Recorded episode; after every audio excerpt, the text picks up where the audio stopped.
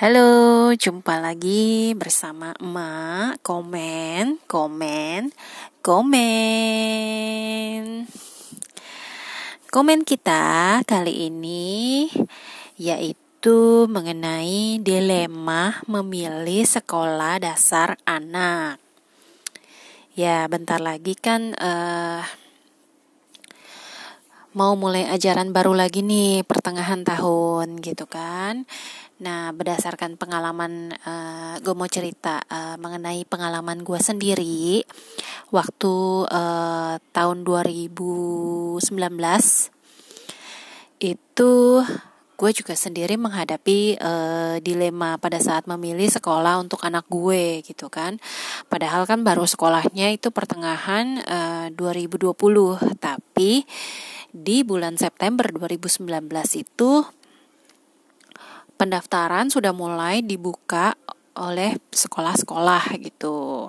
Nah, jadi pada saat itu tuh eh, eh, batasan eh, pertimbangan, hal pertimbangan yang eh, perlu kita pertimbangkan itu eh, pada saat memilih sekolah dasar itu karena sekolah dasar itu kan enam tahun gitu. Jadi durasinya itu agak lama gitu dibandingkan dengan preschool ya atau mungkin dengan uh, sekolah meneng, menengah pertama itu kan tiga tahun gitu. Terus kalau uh, eh, SMA kan tiga tahun gitu. Jadi ini sekolah dasar itu kan enam tahun. Jadi otomatis untuk biaya pendaftaran biaya gedung untuk uang masuknya sendiri otomatis lebih besar. Karena diakumulasi dihitung itu selama untuk selama enam tahun gitu. Jadi uh, faktor pertimbangannya itu yang uh, gue alami itu adalah yang pertama itu dari segi biaya. Terus yang kedua adalah dari segi lokasi sekolahnya. Karena kebetulan gue sama suami itu sama-sama pekerja. Gitu kan, pekerja dari mm, uh, 9 to 5 gitu. Jadi otomatis lokasi sekolah itu uh, sangat penting gitu. Dan yang ketiga adalah kurikulumnya. Kurikulum yang uh, diterapkan uh, pada sekolah tersebut itu adalah apa gitu loh, yang sesuai dengan uh, keinginan kita gitu. Nah, untuk uh, dari segi biaya, kebetulan uh, gue itu kan memang bukan dari yang uh, segi uh, uangnya itu tidak terbatas enggak gitu. Jadi makanya skupnya itu kita kecilin lagi nih. E, mana kita pilih sekolah-sekolah yang dari segi biayanya itu masih dalam budget kita gitu. Terus dari segi lokasi juga masih masih sesuai gitu dengan dengan areanya gitu. Jadi uh, pertama kali pertimbangan gue itu untuk memilih sekolah itu uh, lokasinya gitu. Lokasi sama kurikulumnya sih pertama kali gitu. Awalnya itu gue tetap kekeh gitu kan. Uh, ini kita uh, bukannya sebutin uh, merek atau maksudnya uh, me, me apa ya? Memilih atau uh, semua itu kan pilihan tergantung sama kitanya nih. Bukannya gue di sini branding atau me memberikan nilai plus ke yang A tapi e, dan menjelekan yang lain itu enggak ya enggak sama sekali. E, gue sebutin aja di sini kebetulan gue itu memilih kurikulum IB untuk anak gue. Karena sebelumnya kita pernah ikutin e, tes tes bakat untuk anak itu untuk mengenali gitu loh. Anak itu senengnya itu belajar dan cocoknya itu dengan metode pengajaran yang seperti apa gitu dan kebetulan anak gue ini cocok sekali dengan untuk hasilnya saat itu adalah yang kurikulumnya itu IB gitu Nah, jadi otomatis gue skupin dulu ke IB gitu. Tapi apa mau dikata gitu ya, untuk uh, daerah sekolah-sekolah yang uh, lingkupnya itu masih di area yang dekat dengan tempat tinggal kita gitu. Itu tuh nggak ada gitu.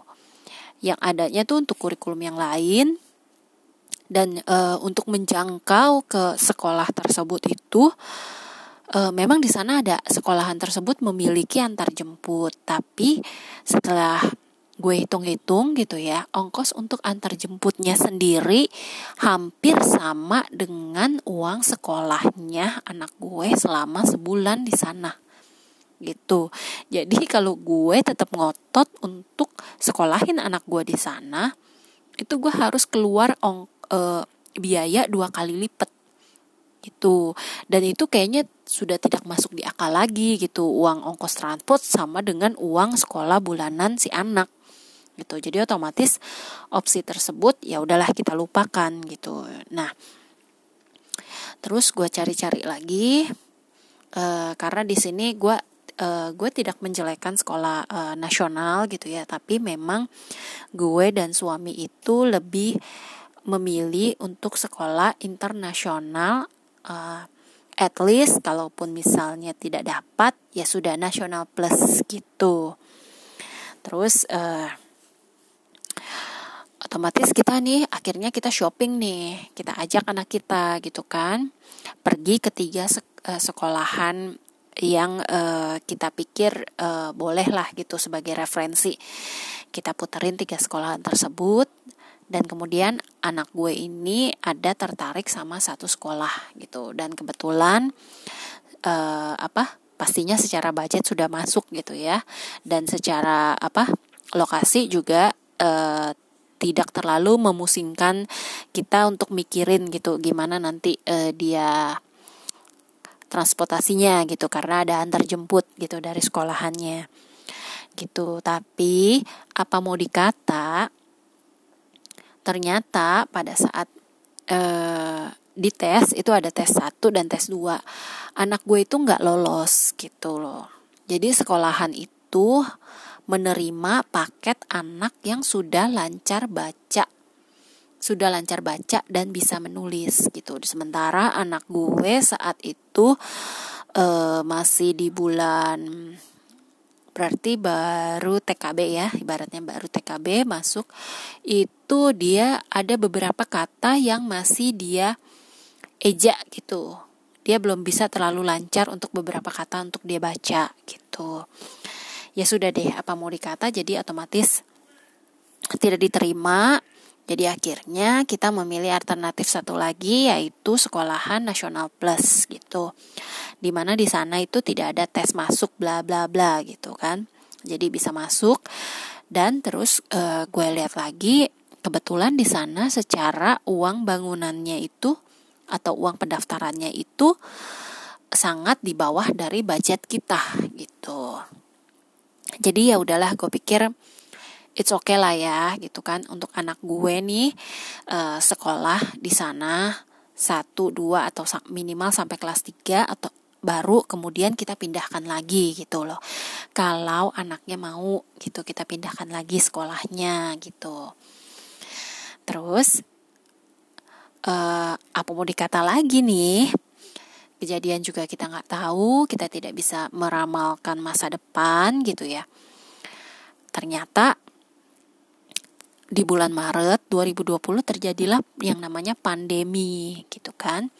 Jadi otomatis anak itu nggak bisa untuk bersekolah normal. Semuanya itu harus daring online gitu.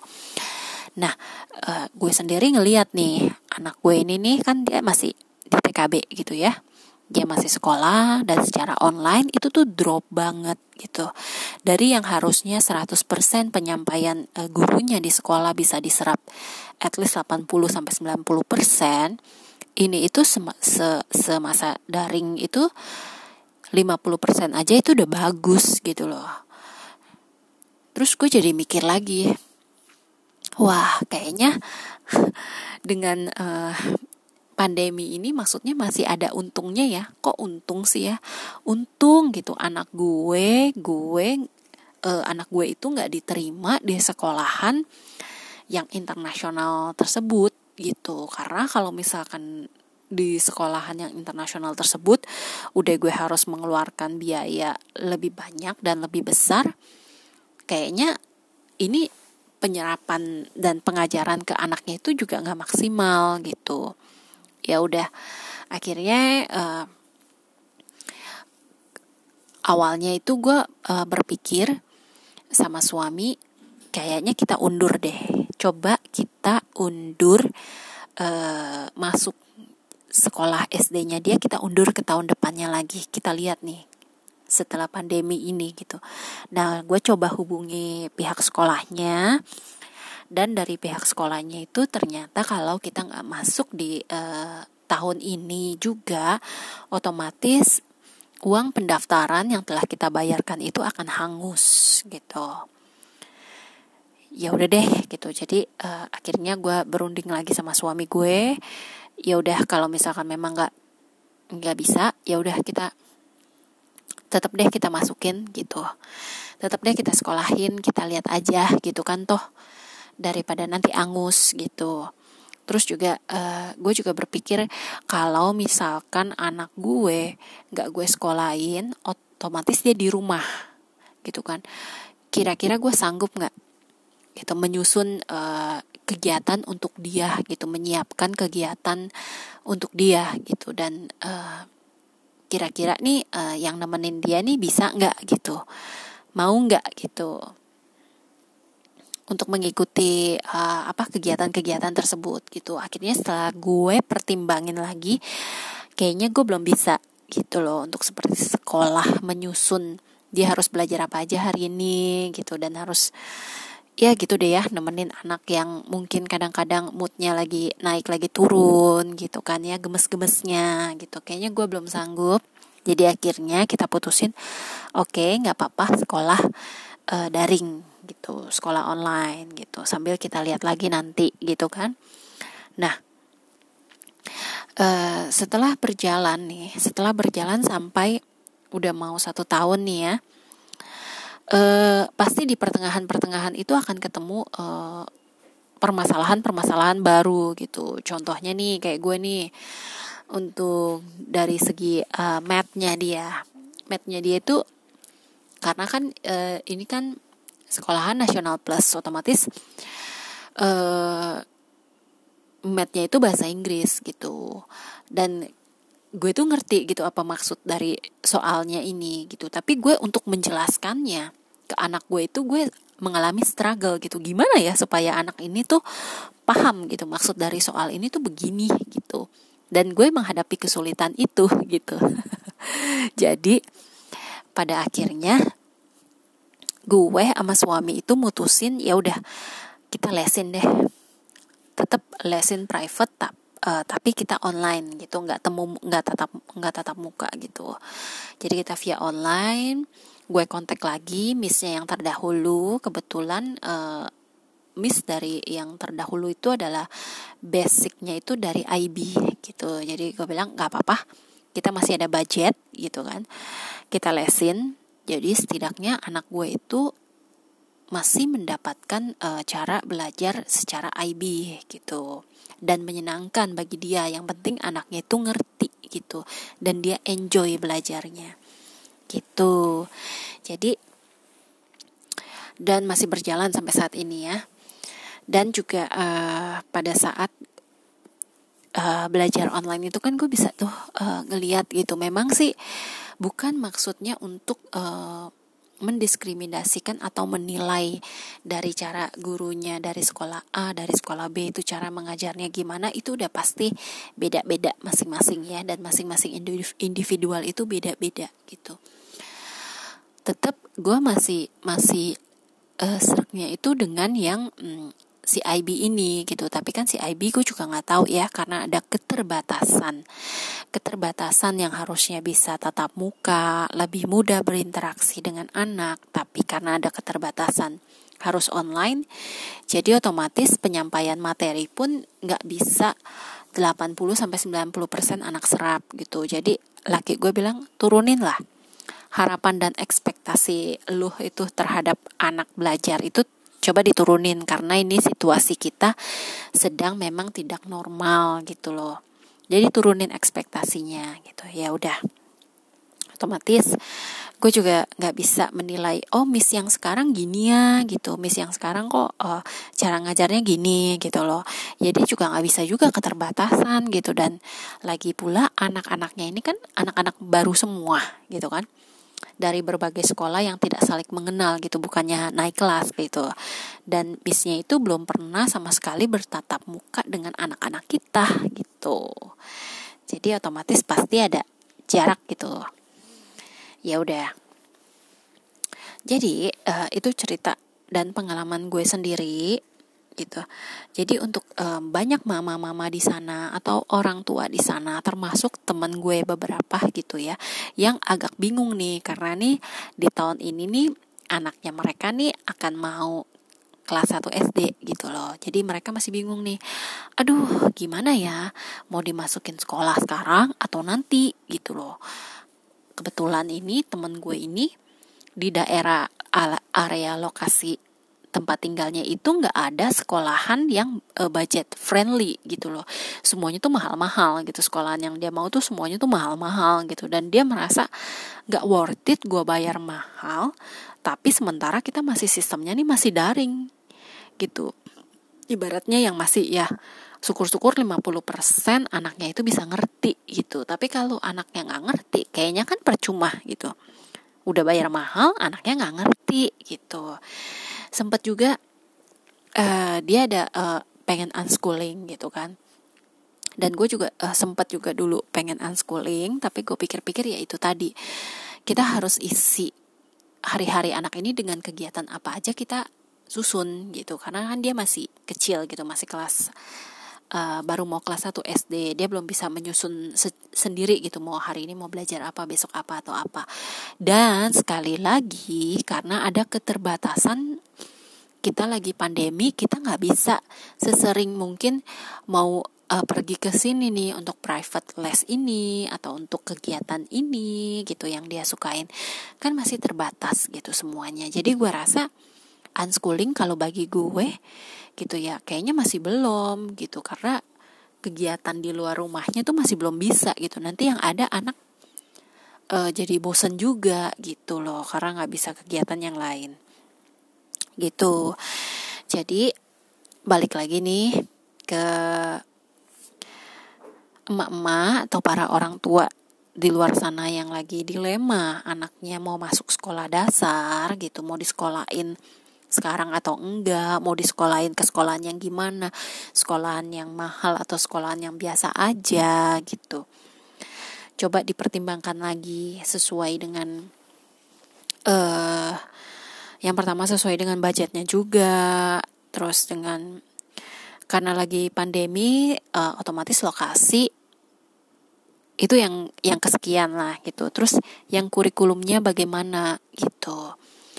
Terus juga jangan terlalu kekeh gitu loh jangan terlalu kekeh nih oh gue mau nih uh, sekolahan kayak gue dulu gue maunya sekolahan di IB nih gitu kekeh maunya di situ tapi sementara dari segi lokasi nggak mungkin gitu kan ongkosnya transportnya terlalu mahal gitu. Nah, uh, sementara itu tiba-tiba jreng terjadilah pandemi gitu yang kita juga semua tuh nggak nggak nggak mengharapkan itu terjadi gitu. Jadi cobalah dibuka gitu. Dibuka pintu-pintu kesempatan yang lain, dibuka kemungkinan-kemungkinan yang lain yang ada. Kalau lu udah nggak sanggup mikirin sendiri, coba lu list down bareng sama pasangan lo, lu duduk, bicarain dengan serius dan lu list down opsi-opsi apa aja yang bisa mungkin gitu kan kayak gue nggak menutup kemungkinan ternyata anak gue masih bisa les private dengan metode pengajaran IB gitu. Itu bersyukur banget nolong banget bantu banget dan masih di dalam budget kita. Gitu. Coba lu buka sebanyak banyaknya kemungkinan gitu dan lu bicarain sama pasangan lo gitu. Karena ini pendidikan untuk anak jadi harus e, berdua gitu ya jangan ditanggung sendiri gitu supaya nanti ujung-ujungnya nggak ada salah-salahan gitu itu aja uh, uh, sharing dari gue nih gitu ya yang lain uh, untuk teman-teman gitu bebas terserah mau bagaimana masing-masing orang, masing-masing orang tua itu pasti ingin yang terbaik untuk anak-anaknya. Gitu, terbaik untuk semuanya gitu. Jadi kalian diskusiin sendiri, pikirin lagi, dipilah-pilah lagi dari segi biayanya, dari segi lokasinya, dari segi kurikulumnya, dan juga dilihat dari segi anaknya. Gitu, perkembangan anaknya supaya maksimal tuh seperti apa gitu. Kayak uh, gue juga nggak menutup kemungkinan nanti pada saat sudah bisa normal atau gimana, mungkin gue akan tawarkan ke anak gue mau nggak dia pindah. Gitu, kemungkinan itu masih ada gitu karena kebetulan gue memilih sekolahan yang sekarang ini yang masih budget friendly. Jadi gue nggak merasa terlalu rugi-rugi banget kalau at the end misalkan di kelas 3 atau di kelas 4 atau di kelas 5 gue tuh pindahin anak gue. Atau mungkin nanti SMP gue pindahin anak gue gitu. Ke sekolah yang lebih mungkin nanti sudah besar sudah agak besaran dia bisa memilih sendiri gitu loh. Maunya yang kayak gimana sih gitu. Gitu oke. Okay? karena kita tuh selalu berkembang dan selalu berubah gitu ya. Oke okay? jadi nggak usah disetresin Selamat memilih opsi-opsi ini. Sebenarnya seru gitu kan. Asal kita jangan stres gitu. Oke? okay? Gitu dulu. Sampai jumpa lagi di episode berikutnya. Bye